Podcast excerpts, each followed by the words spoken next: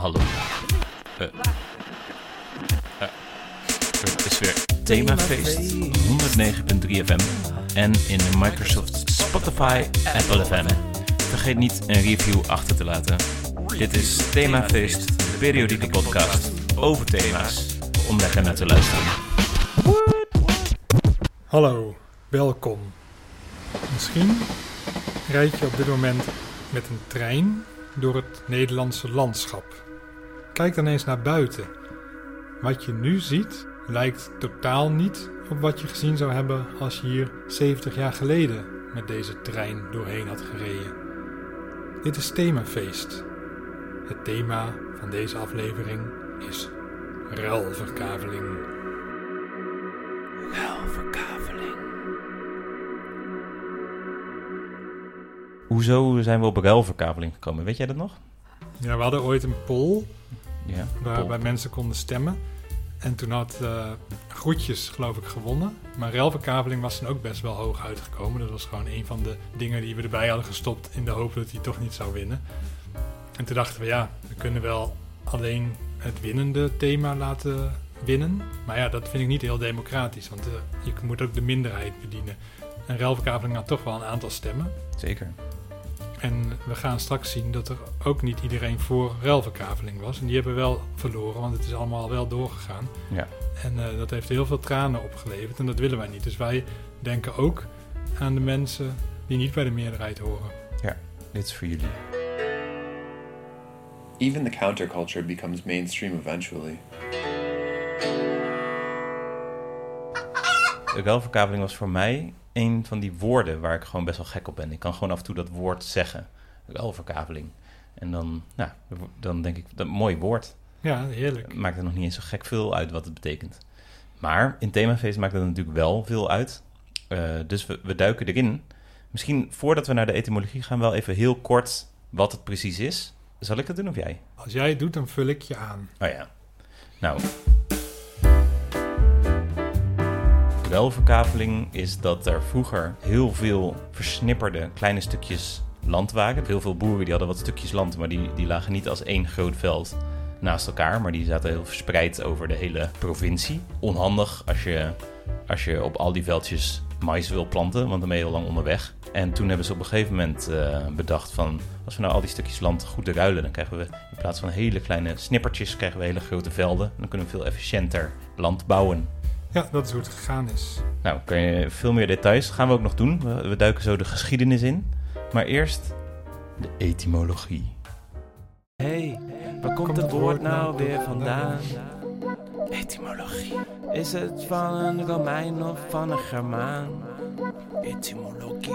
Tijd om het uit te leggen in een rubriek Met de tune nog zachtjes als achtergrondmuziek Etymole, etymole, etymologie Etymologie etymologie Dat woord, dat bestaat eigenlijk uit twee andere woorden. Ruilen en verkavelen. Zal ik dan ruilen doen? Dan Ja. doe jij even kaven. Is goed? Nou, ruilen, dat is, dat is jammer, want daarvan is de herkomst onbekend. Maar wat wel leuk is, is dat het Nederlands en het Fries dan ook nog de enige talen zijn waarin het woord ruilen voorkomt. Tenminste, andere talen hebben natuurlijk wel een woord wat ruilen betekent, maar dat lijkt dan niet op ruilen. Dus het is een uniek woord. Dus je komt hier niet met je geïmproviseerd Duits met ruilen of iets dergelijks weg. Nee, Of ruilar in het Spaans. nee. Niks daarvan. Nee. Oké, nou ja. eh, gelukkig is kavel wel etymologisch ter herleiden. Want het komt van het Frans. Het eh kavel, dat betekent een lot. En dat is toevallig, want in het Engels noemen ze een kavel nog steeds een lot. Hm. Eh, of dat is niet toevallig. Want eigenlijk werd er dus vroeger, als er nieuw land werd gemaakt... Daar zijn Nederlanders op zich wel goed in. Dus dan werd bijvoorbeeld een dijk gebouwd... waardoor een stukje land opeens bewoonbaar werd. Of er wordt iets ingepolderd. Eh, en dan werd dus eigenlijk eh, dat stukje land, wie dat mocht hebben... dat werd verloot. Dat is op een bepaalde manier wel best eerlijk. Ja. Maar je mocht wel alleen meeloten als je ook kon aantonen... dat je dat land dan ook kon verzorgen. Dus je, je kreeg het land inclusief de onderhoudsplicht. Zo ging dat vroeger.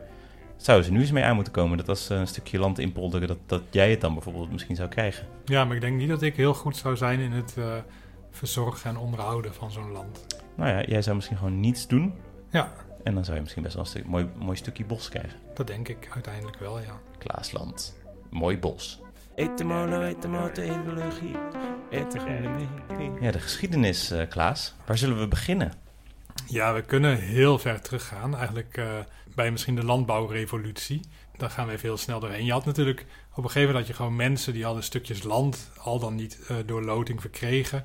En soms was dat super onhandig omdat ze dan heel ver moesten lopen naar hun land. Terwijl eh, naast hun boerderijtje een stuk land lag wat van iemand was die dan eigenlijk naast jouw land woonde heel ver verderop. Dus dan zeiden ze, weet je wat, als jij nou dat landje van mij neemt, dan krijg jij dit landje van mij. Dus je had al dat er kavels geruild werden. Maar aan het begin van de 20e eeuw werd al wel een beetje nagedacht dat het misschien op grote schaal zou kunnen werken. Daar was alleen nog niet zo heel veel enthousiasme voor en het eh, valt natuurlijk ook niet mee om dat te organiseren. Dus het duurde pas tot na de Tweede Wereldoorlog dat dat in Nederland echt een vlucht ging nemen.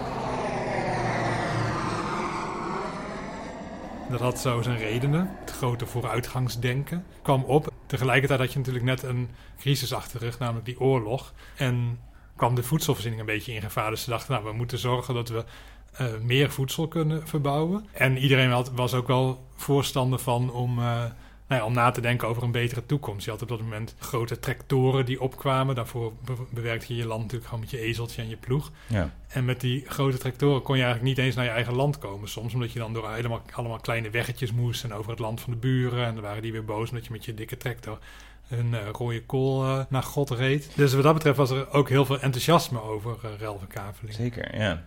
Want je moet je voor je zien dat, dat- hoe dat vroeger ging. Je had dan bijvoorbeeld, je was Dus een... kunnen de luisteraars hun ogen dicht doen? Ja, dat is misschien wel goed. Ja, Ja, er zit ook een als je zit. muziekje Ja, onder. Mhm.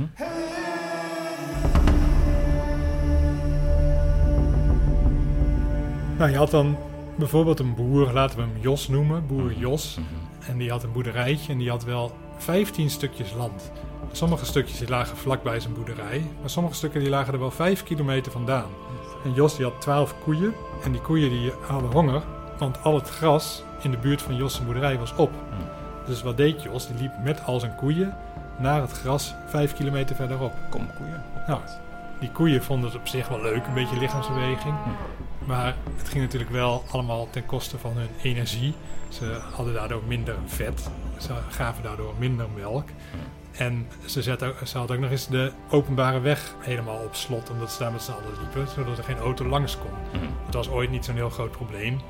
Er waren niet zoveel auto's. Maar toen iedereen auto's kreeg, dachten ze... Die koeien die er altijd maar lopen van boer Jos... Dat moeten we niet hebben. Nou ja, dat is een van de redenen... De automobiel. waarom iedereen heel graag eh, wilde ruilverkavelen. Ja, Nou, al dus eh, geschieden. In de jaren 50 kwam dat goed op gang. Toen had je Sikko Mansholt als eh, minister van Landbouw, een hele grote naam in de Nederlandse parlementaire geschiedenis. En die heeft dat, eh, of onder zijn leiding is dat allemaal eh, uitgerold. De inkomens blijven achter, ondanks de grote steun. En we zullen dus veel sneller moeten werken. Er zullen een groot aantal mensen uit de landbouw moeten. En we moeten naar grotere bedrijven. En eigenlijk waren de meeste boeren daar heel enthousiast over. Sommigen eh, niet, hè, want die, die hadden zoiets van... ik vind het nu wel mooi, die kleine veldjes en, eh, en een beetje natuurlijk boeren.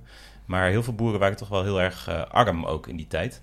En moesten eh, knoeperhard werken voor heel weinig geld. En dit gaf hun eigenlijk ja, de manier om efficiënter te werken en dus meer te verkopen. En werd ook voor een heel groot deel betaald door de overheid. Dus die ruilen, maar ook het nieuw aanleggen van wegen. En eigenlijk is het een van de grootste herinrichtingen van ons land geweest ooit. Vroeger waren er gewoon heel veel hele kleine weggetjes en kleine walletjes en kleine slootjes. En iedereen eh, moest die kleine dingetjes onderhouden. Er was dus ook een heel groot oppervlak, eigenlijk gewoon zandpad in plaats van vruchtbare landbouwgrond. Ja. Dus op een bepaalde manier was dat zonde. En door dat zo helemaal nieuw uit te tekenen, van nou, als jullie nou eens dat stukje nemen, jullie dat, dan kan hier mooi een, eh, een kanaal en dan kan hier een grote weg en hier een kleine weg en dat kan geasfalteerd worden. En daardoor was het ook eindelijk de moeite waard om bijvoorbeeld riool aan te leggen in die gebieden en elektriciteit aan te leggen. Dus dat was een enorme ontwikkeling op het platteland. Daardoor was het opeens ook makkelijker wonen daar, beter bereikbaar, allemaal van dat soort dingen. Er ging natuurlijk heel veel verloren ook, zoals je zegt. Dus al die kleine weggetjes, al die sloten, de houtwallen, zeg maar, die tussen twee landbouwpercelen lagen. Er werd dan wel een beetje over nagedacht door bijvoorbeeld weer bossen aan te planten. De herverkavelingsbossen worden die eh, nog steeds genoemd. Die heb je nog steeds in heel veel gemeenten op de zandgronden. Maar er waren natuurlijk ook mensen die het er niet mee eens waren. Ja. Dat had soms puur nostalgische redenen. Dat ze dachten, ja, mijn grootvader heeft nog op dat land gewerkt en dan zal ik het nu in één keer aan boer Jos overdoen.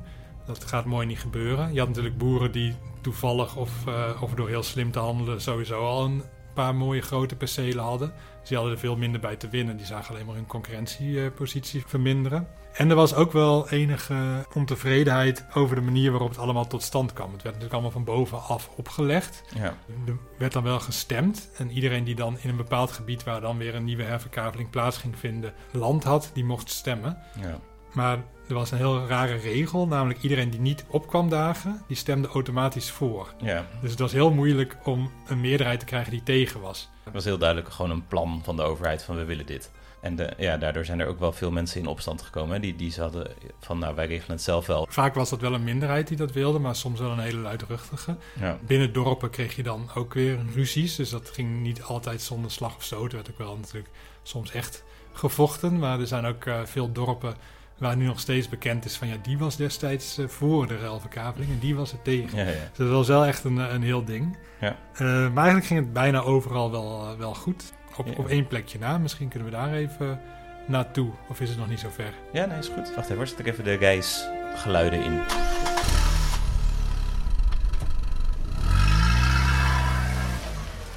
Te bergen. Zegt dat je iets? Ja, zeker. te bergen, te bergen. Gemeente van mijn dromen. Met je gemote cross ga je volledig los op eigen grond. Te bergen, te bergen.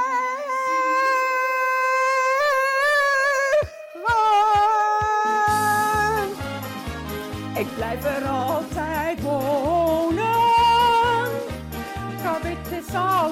een wild kabalenpaard, ja dat ben jij. Daar waren die grote protesten tegen de komst van een asielzoekerscentrum. Klopt. Dat, eh, en er was ook, ik geloof van alle gemeenten de, eh, bij de afgelopen provinciale verkiezingen, was daar de grootste aanhang van de boer-burgerbeweging. Mhm. Meer dan de helft van de mensen had daarop gestemd. Ja. Ik zou hier niet al te felle uitspraken over willen doen. Nee, maar het lijkt wel een beetje wars van de lui in Den Haag die bepalen hoe het daar gaat.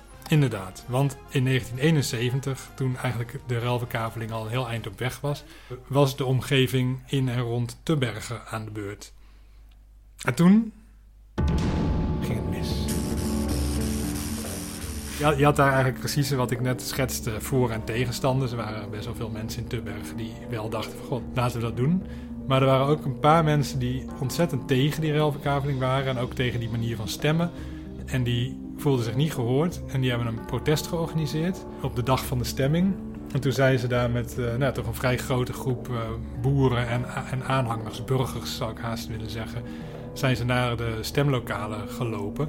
En eh, daar hebben ze eerst de boel geblokkeerd, zodat eigenlijk niemand een stem uit kon brengen. Dat die, die protesten waren aangekondigd, dus er was ook vrij veel ME of in ieder geval politie aanwezig.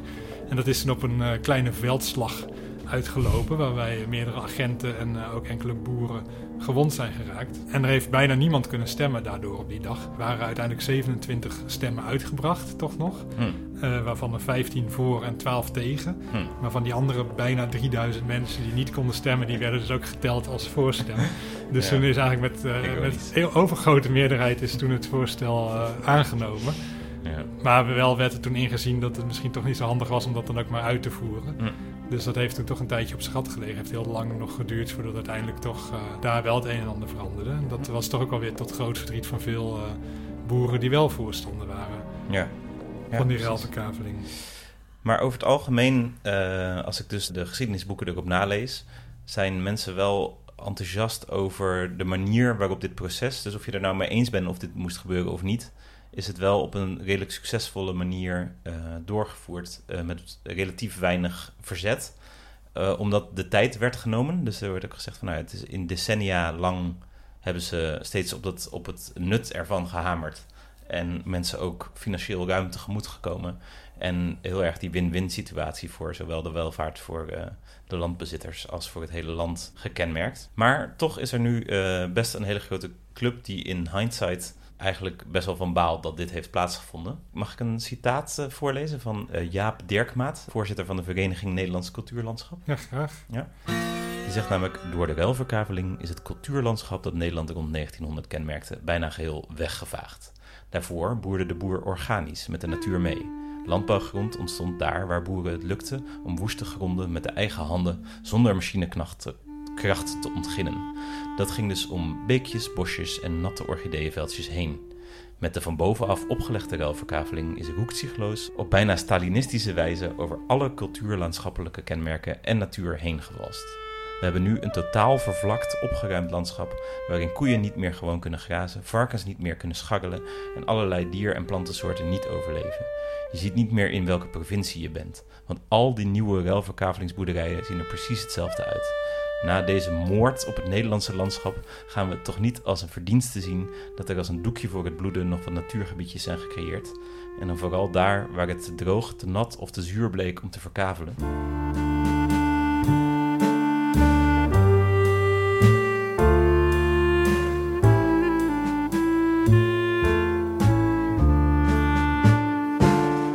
Dat zijn heldere woorden van Jaap Dirkmaat, toch? Ja, ja.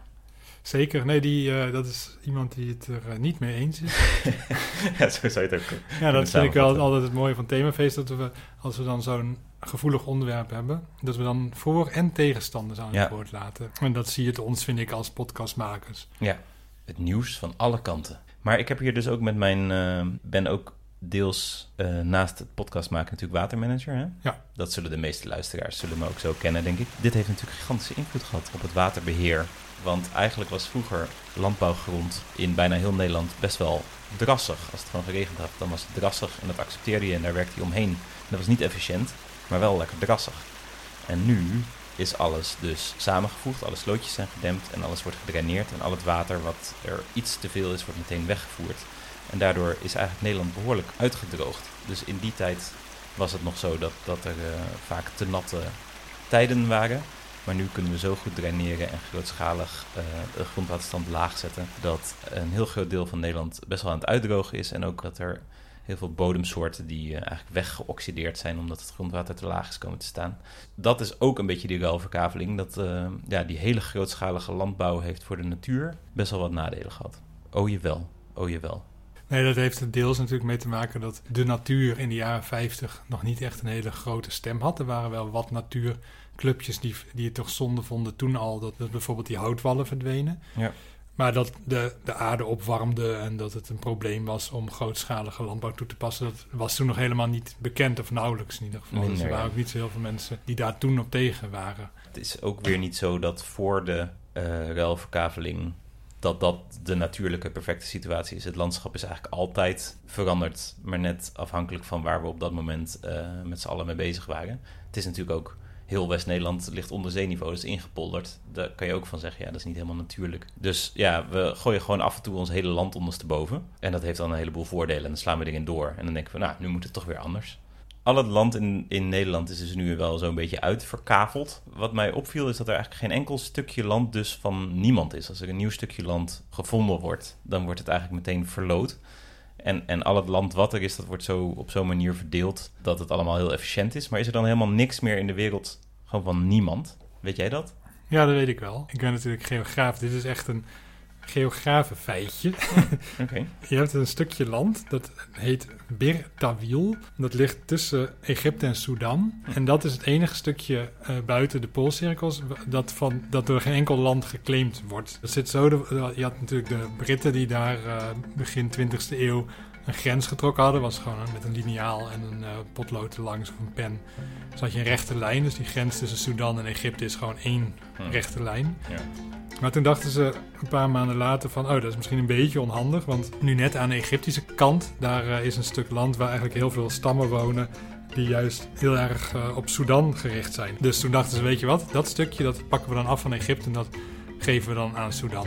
Maar dat is lullig voor Egypte, dus dan geven we hun dan weer een stukje Sudan terug. En toen dacht Egypte, ja, maar dat stukje willen we helemaal niet. We willen dat stukje wat we al hadden. Maar dat is dus inmiddels van Sudan officieel. Dat erkennen ook eigenlijk bijna alle landen in de wereld dat dat Sudan is.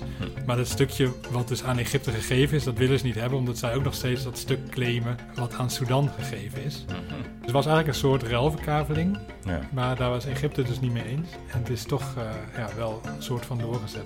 Mhm. Dus Egypte is eigenlijk het te bergen van Afrika, zou je kunnen zeggen. Dus ja, dat hoor je vaker. Als je er meer over wil weten, google dan op Bir Tawil.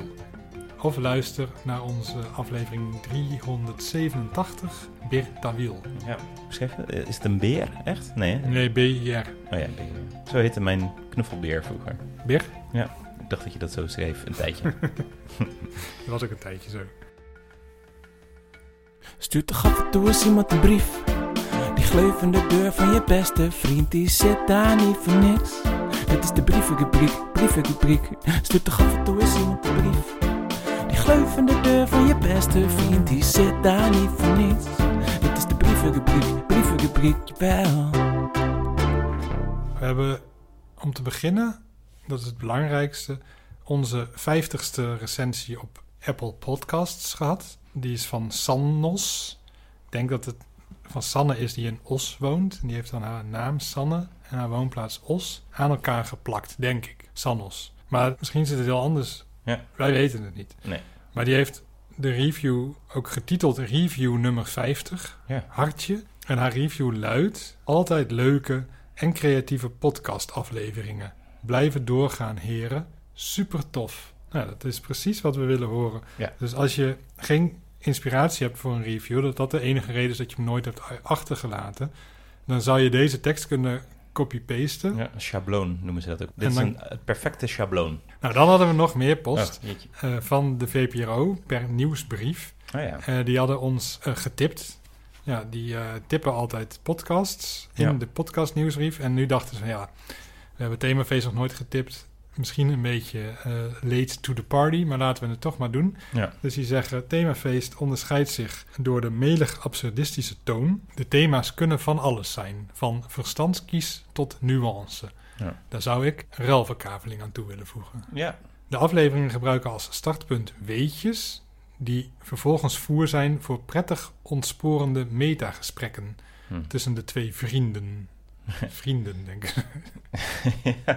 Collega's. Ja, even. Maar goed. Ook zijn er geweldige liedjes. Nou, dat is dan een pluim in jouw eh, veer. Ja, de verhalen zijn blijkbaar iets minder eh, imponerend dan de mooie liedjes die ik maak. Ik zou ook aan andere media, bijvoorbeeld de NRC of de NCRV... Je kan, als je altijd al een review wilde schrijven, maar niet precies weten hoe of wat je moet zeggen... Dit is een prima schabloon. Gebruik dat. Nou, over NSC gesproken, daar wil ik toch ook nog iets over zeggen. Oh. Ja, dat is niet voor de eerste keer. Heeft NSC, dat is dus een, een krant, hè, Ja. na aanleiding van een themafeestaflevering een artikel geschreven. Dus wij hadden Ja, vorige keer natuurlijk die aflevering over de voornaam. En prompt stond er een stuk in NSC over voornamen. Nou, dat werd een beetje herhaald, maar dan veel minder interessant en inhoudelijk en duidelijk wat wij eigenlijk in die aflevering hebben gezegd. Nou ja, dat ze dan onze onderwerpen jatten, dat vind ik nog tot daaraan toe. Maar wat ik heel laag vond, is dat ze dat artikel openen eh, met een, gewoon een dis naar mij toe. ja, Als maker. Ja. Er staat dan voor Jan, Piet en Klaas is de zaak bekeken. Jan en Piet hebben ze dan waarschijnlijk bij verzonnen. Ja, er staat er die oer-Hollandse voornamen, vaak verwijzingen naar grootouders, zijn al decennia in alle sociale groepen aan het verdwijnen, zegt naamkundige Gerrit Bloothoofd. Alsof, alsof die bestaat. Ja, ik, ik was tot nu toe NSC nog best wel goed gezind. Ik bedoel, Mhm. het zijn ook maar mensen die hun best doen en nou helemaal niet zoveel kunnen. Dus dan is het logisch dat ze af en toe een onderwerp van ons stelen. Maar dat ze dit soort dingen op gaan schrijven, ja, dat vind ik eigenlijk niet kunnen. Gaat te ver. Komen we bij de laatste rubriek. Heel veel mensen die eh, hebben waarschijnlijk over dat hele verkaveling heen gelezen. Die hebben ruil gelezen en die dachten, oeh, want de ruilen is natuurlijk een beladen onderwerp. Ja, ze zeggen wel van ruilen komt huilen. Ja, Dat is niet voor niks. nee. Want dat is ook echt zo. Ik kan me nog herinneren dat ik wel eens iets had en mijn broer had dan iets anders. Mhm. En als kind denk je altijd dat je dat andere wil. Ja, Er is een, een fase in je leven dat je altijd wil wat je niet hebt. Sommige Ja. mensen eh, ontgroeien die fase nooit. Maar ik was toen vier. Wilde ik gewoon alles hebben wat mijn broer had. En zei mijn broer is goed. Maar dan krijg ik dat wat jij hebt. En dan wou ik dat eigenlijk ook niet. Dacht van oké, doe dan maar. Dan waren de rollen omgedraaid. Niet de rollen, maar de dingen die we hadden wa- waren omgewisseld. Ja. En eh toen zei ik van, oh ja, ik wil toch dat. Maar zijn broer, nee, nu hebben we gereld. En dan moest ik huilen. Ja. En dan zei mijn moeder, van ruilen komt huilen. En dat is nu een heel bekend spreekwoord. Iedereen kent dat, Dat heeft jouw moeder bedacht. Ja. Toepasselijk, want ik heb het ook wel eens gehad. Alleen mijn moeder wist niet precies. Die zei dan dus van, oh, nou, zo zie je maar. Ruilen is misschien niet altijd het beste. Ja, Als zij, die, eh, als zij dat had geweten, die uitdrukking, had ze die ook zeker gebruikt. Maar dit landruilen, dat, het mooie daaraan was dus dat iedereen eigenlijk tevreden was. Iedereen ging erop vooruit. Toen dachten wij bij Themafeest, misschien zijn er wel meer dingen die we zouden grootschalig onder overheidstoezicht zouden kunnen ruilen, waardoor iedereen erop vooruit ging. Onze zoektocht is eerst bij partners terechtgekomen. Hè? Veel mensen met een partner zijn daar niet gelukkig mee. Dat zie je ook aan hun. En toch is het zo dat er op elk potje een dekseltje past. Eh, dus als je twee mensen hebt die eigenlijk ongelukkig zijn met hun partner, of vier dan in dit geval eigenlijk, dan zou je kunnen zeggen: ruil die partner, Mhm. eh, dan komt alles goed. Ja. Alleen daar ligt een taboe op. er ligt een taboe op en, en je moet elkaar ook nog maar net vinden. Want het zou kunnen dat het ene ongelukkige stel in bijvoorbeeld Ulrum woont, waar Sikko Mansholt toevallig geboren is. Hm.